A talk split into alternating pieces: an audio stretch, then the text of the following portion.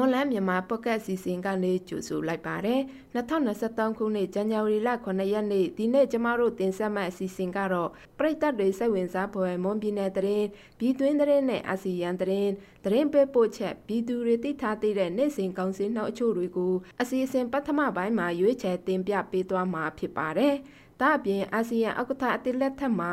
မြန်မာနိုင်ငံအတွက်ပြောင်းလဲတစ်ခုကိုမျှော်လင့်ထားတယ်ဆိုတဲ့သတင်းပေးပို့ချက်ကိုတင်ဆက်ပေးပါမယ်။ ဒီကနေ့စီစဉ်မှုကတော့ကျမမင်းရင်စနိုင်းကတာဝန်ယူတင်ဆက်ပေးသွားမှာဖြစ်ပြီးကျမနဲ့အတူကိုခန့်မြတ်သူကသတင်းတွေကိုကူညီဖတ်ကြားပေးသွားမှာဖြစ်ပါတယ်။နားဆင်ကြတဲ့ပရိသတ်တွေအားလုံးကိုမင်္ဂလာပါလို့နှုတ်ခွန်းဆက်သပါရစေ။ကျွန်တော်ခန့်မြတ်သူကမင်းရင်စနိုင်းနဲ့အတူသတင်းတွေကိုကူညီတင်ဆက်ပေးသွားမှာပါ။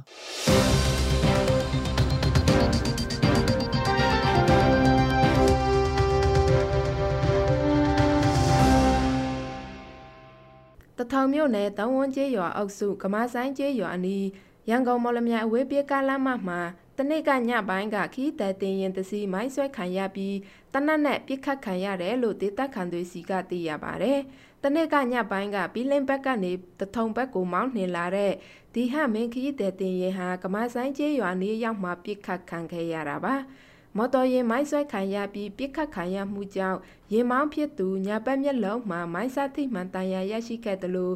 ရင်နောက်လိုက်ကလည်းထိခိုက်တန်ရာရရှိခဲ့တယ်လို့သိရပါတယ်။ပြစ်ခတ်တိုက်ခိုက်မှုကိုဘယ်အဖွဲ့အစည်းကလှုပ်ဆောင်တယ်ဆိုတာကိုမွန်လန်းမြန်မာအနေနဲ့တိကျတည်ပြုနိုင်ခြင်းမရှိသေးပါဘူး။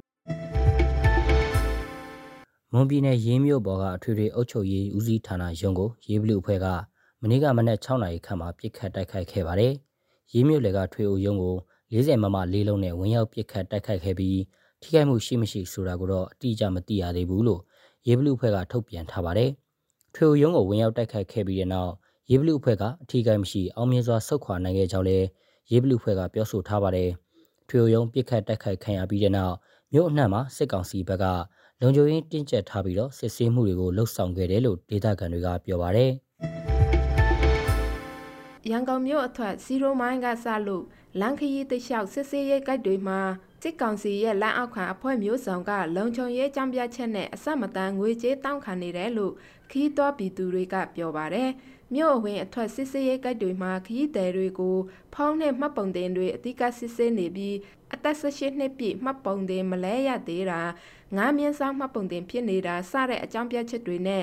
အကျဉ်းအကြံငွေတောင်းခံနေတယ်လို့သိရပါတယ်။ ပဲခူးတိုင်းဝေါမြို့မှာရှိတဲ့ညောင်ခါရှည်စစ်စေးရေးကိုက်ဟာစစ်ဆေးမှုအချိန်ဘုံမိုကြက်ကြတာနဲ့တရားမဝင်ငွေကြေးတောင်းခံတာတွေကြောင့်ကားသမားနဲ့ခီးသွားတွေကြားမှာလူပြောများနေပါတယ်။စစ်ကောင်စီကစစ်စေးရေးကိုက်ကို2022ခုနှစ်စမ်းပိုင်းမှာစတင်ဖွေးလျက်ထားတာဖြစ်ပြီးမနက်၄နာရီကနေည7နာရီထိစစ်ဆေးပါတယ်။ပသိမ်ထောင်တွင်းပြစ်ခတ်မှုမှာနိုင်ငံရေးအကျဉ်းသားတယောက်တေဆုံးပြီးအသက်အန္တရာယ်စိုးရင်ရသူ၈ယောက်ထိရှိတယ်လို့ နိုင်ငံရေးအကျဉ်းသားကူညီဆောင်ရွက်နေသူတွေကပြောပါတယ်စစ်ကောင်စီကထောင်စုပူမှုမှာအကျဉ်းသားအချင်းချင်းရိုက်နှက်လို့အချုပ်သားတယောက်သေဆုံးပြီးအကျဉ်းသားအချုပ်သား63ယောက်ထိခိုက်ဒဏ်ရာရရှိခဲ့တယ်လို့ထုတ်ပြန်ထားပါတယ်။တနေ့ညကနိုင်ငံရေးအကျဉ်းသားကိုဝေယံဖြိုးစီကနေဖုံးတလုံးတွေ့ရှိခဲ့တာကြောင့်သူပါဝင်3ယောက်ကိုတီးခြားခွဲထုတ်ပြီးရိုက်နှက်ခဲ့တာပါ။နောက်တနေ့မနက်မှာသူတို့ကိုပြန်လှုပ်ပေးဖို့နိုင်ငံရေးအကျဉ်းသားတွေကတောင်းဆိုရကနေစုပူမှုဖြစ်ပြီး ရိုက်နှက်ခဲ့ကြတာလို့နိုင်ငံရေးအကျဉ်းသားဟောက်မြအဖွဲ့ဦးဆောင်ကော်မတီဦးထွန်းကြည်ကပြောပါတယ်။တေဆုံးသူကိုဝေယံဖြိုးဟာထောင်နဲ့28နှစ်ချမှတ်ခံထားရတဲ့နိုင်ငံရေးအကျဉ်းသားတစ်ယောက်ဖြစ်ပါတယ်။ဘယ်ပုံမှန်တွေနဲ့နှစ်ရှည်ထောင်ဒဏ်တွေချမှတ်ထားလဲဆိုတာကိုတော့အတိအကျမသိရသေးပါဘူး။တ နင်္လာရီတိုင်းလောင်းလုံမြို့နယ်တကြက်တော်ရွာမှာမနေ့ကမနေ့ပိုင်းကအရက်ဝတ်နဲ့ထမ်းရည်လာဝယ်တဲ့စစ်ကောင်စီတပ်ဖွဲ့ဝင်2ဦးပြစ်ခတ်ခံရပြီးတဦးသေဆုံးသွားတယ်လို့ဒေသခံတွေစီကသိရပါဗျ။တကြက်တော်ကျေးရွာနယ်မြေရဲစခန်းကစစ်ကောင်စီတပ်ဖွဲ့ဝင်2ဦးဟာရွာထိုက်နာကိုထိုင်းရလဝဲချိန်မှာအမည်မသိလက်နက်ကင်အဖွဲ့တစ်ခုမှပြစ်ခတ်တိုက်ခိုက်ခဲ့တာလို့ဆိုပါတယ်။ တိုက်ခတ်ခံရမှုကြောင့်စစ်ကောင်စီတပ်ဖွဲ့ဝင်2ဦးခန္ဓာကိုယ်နဲ့ခြေထောက်တွေမှာကြီးထိမှန်ခတ်ပြီးဆေးရောင်ရောက်မှတဦးသေဆုံးသွားခဲ့တယ်လို့ဒေသခံတဦးကပြောပါတယ်။စစ်ကောင်စီတပ်ဖွဲ့ဝင်2ဦးပြစ်ခတ်တိုက်ခတ်ခံရပြီးနောက်စစ်ကောင်စီလက်အောက်ခံရဲနဲ့စစ်သားတွေကအခင်းဖြစ်ရနေရာကိုရောက်လာပြီးတနက်ရန်တမ်းပြစ်ခတ်တာတွေလှုပ်ဆောင်ခဲ့တဲ့အပြင်ထိုင်းရီဆိုင်အနီးကနေအိမ်နှလုံးနဲ့ထိုင်းရီဆိုင်ကိုမိရှို့ဖျက်ဆီးတာတွေလည်းလှုပ်ဆောင်ခဲ့တယ်လို့ဆိုပါတယ်။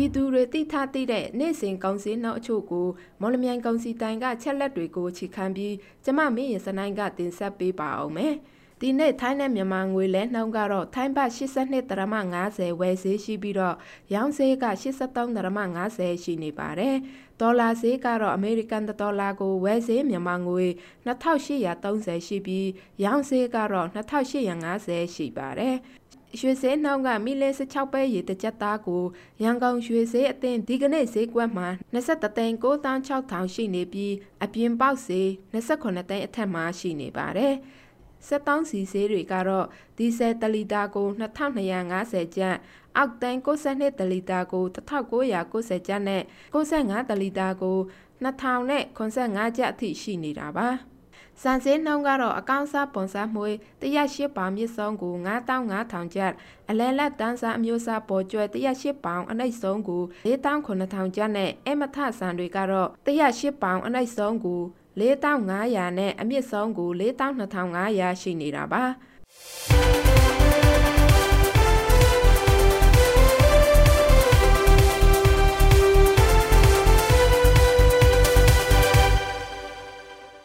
တင်ဆက်ပေးသွားခဲ့တာကဇန်နဝါရီလ9ရက်နေ့မှာဖြစ်ပျက်ခဲ့တဲ့မွန်ပြည်နယ်သတင်း၊ပြည်တွင်းသတင်းနဲ့အာဆီယံသတင်းတွေပြင်တနေ့တာစီစေးငွေစေးနဲ့ကောင်းစေးနှောင်းတွေကိုတင်ဆက်ပေးသွားတာဖြစ်ပါတယ်။ဆက်လက်ပြီးတော့အာဆီယံအောက်ကထအတိလက်ထက်မှာမြန်မာနိုင်ငံအတွက်ပြောင်းလဲတစ်ခုကိုမျှော်လင့်ထားတဲ့ဆိုတဲ့သတင်းပေးပို့ချက်ကိုတော်ရာကတင်ဆက်ပေးပါမယ်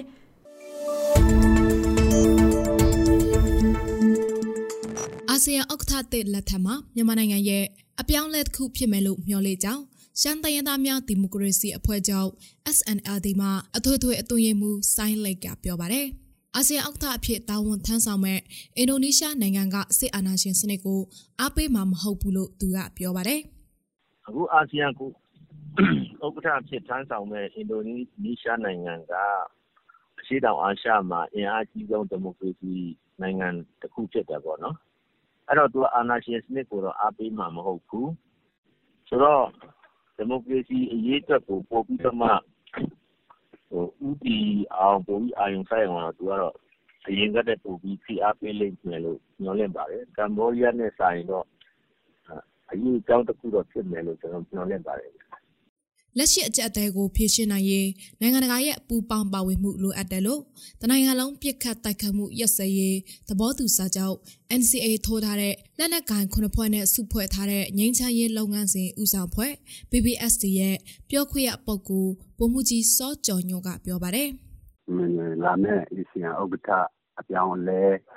အခင်းအကျင်းပေါ်မှာကတော့ တကယ်ဖြစ်တည်လာတဲ့အခြေအနေပေါ်မှာလည်းကျနော်တို့ကအဲဒီကနေထွက်ရှိလာတဲ့ကျနော်တို့ရဲ့ပူးပေါင်းဆောင်ရွက်မှုအပေါ်မှာ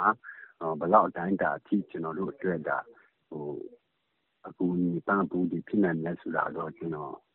တို့ပြောနိုင်မှာဖြစ်ပါတယ်ခင်ဗျ။လောလောဆယ်အရကတော့ကျနော်တို့အနေနဲ့ကတော့ခုနကပြောသလိုမျိုးပဲလက်ရှိအကျပ်အတည်းကိုကျော်လွှားနိုင်ဖို့ဆိုရင် ကျနော်တို့ ၇ ဖွဲ့အနေနဲ့ကတော့ နိုင်ငံတကာရဲ့ ပူးပေါင်းပါဝင်ပံ့ပိုးမှုကလည်း လိုအပ်မယ်လို့ ကျနော်တို့ အဲလိုပဲ နားလည်မှုရှိတယ်။နောက်ဆက်ကအပေါ် အာဆီယံဖိအားက ကြီးလာပြီး ဒီမိုကရေစီလှုပ်ရှားသူတွေအတွက် အင်အားတစ်ခု ဖြစ်လာလိမ့်မယ်လို့ နိုင်ငံရေးလှစ်လာသုံးသပ်သူ ဦးတန်စိုးနိုင်က ပြောပါတယ်။ကောင်းပါတယ်အခုက ဘာဖြစ်လို့လဲဆိုတော့ အင်ဒိုနီးရှားနိုင်ငံလက်ကြတာကိုအဲတော့ အင်ဒိုနီးရှားနိုင်ငံကတော့ တော်တော်လေး ဒီမိုကရေစီအင်အားစုတွေပေါ်မှာ တော်တော်လေး စာနာထောက်ထားမှုရှိတဲ့နိုင်ငံဖြစ်တဲ့အခါကျတော့စစ်ကောင်စီပေါ်မှာဖိအားတွေသိပြီးတော့သုံးကြတော့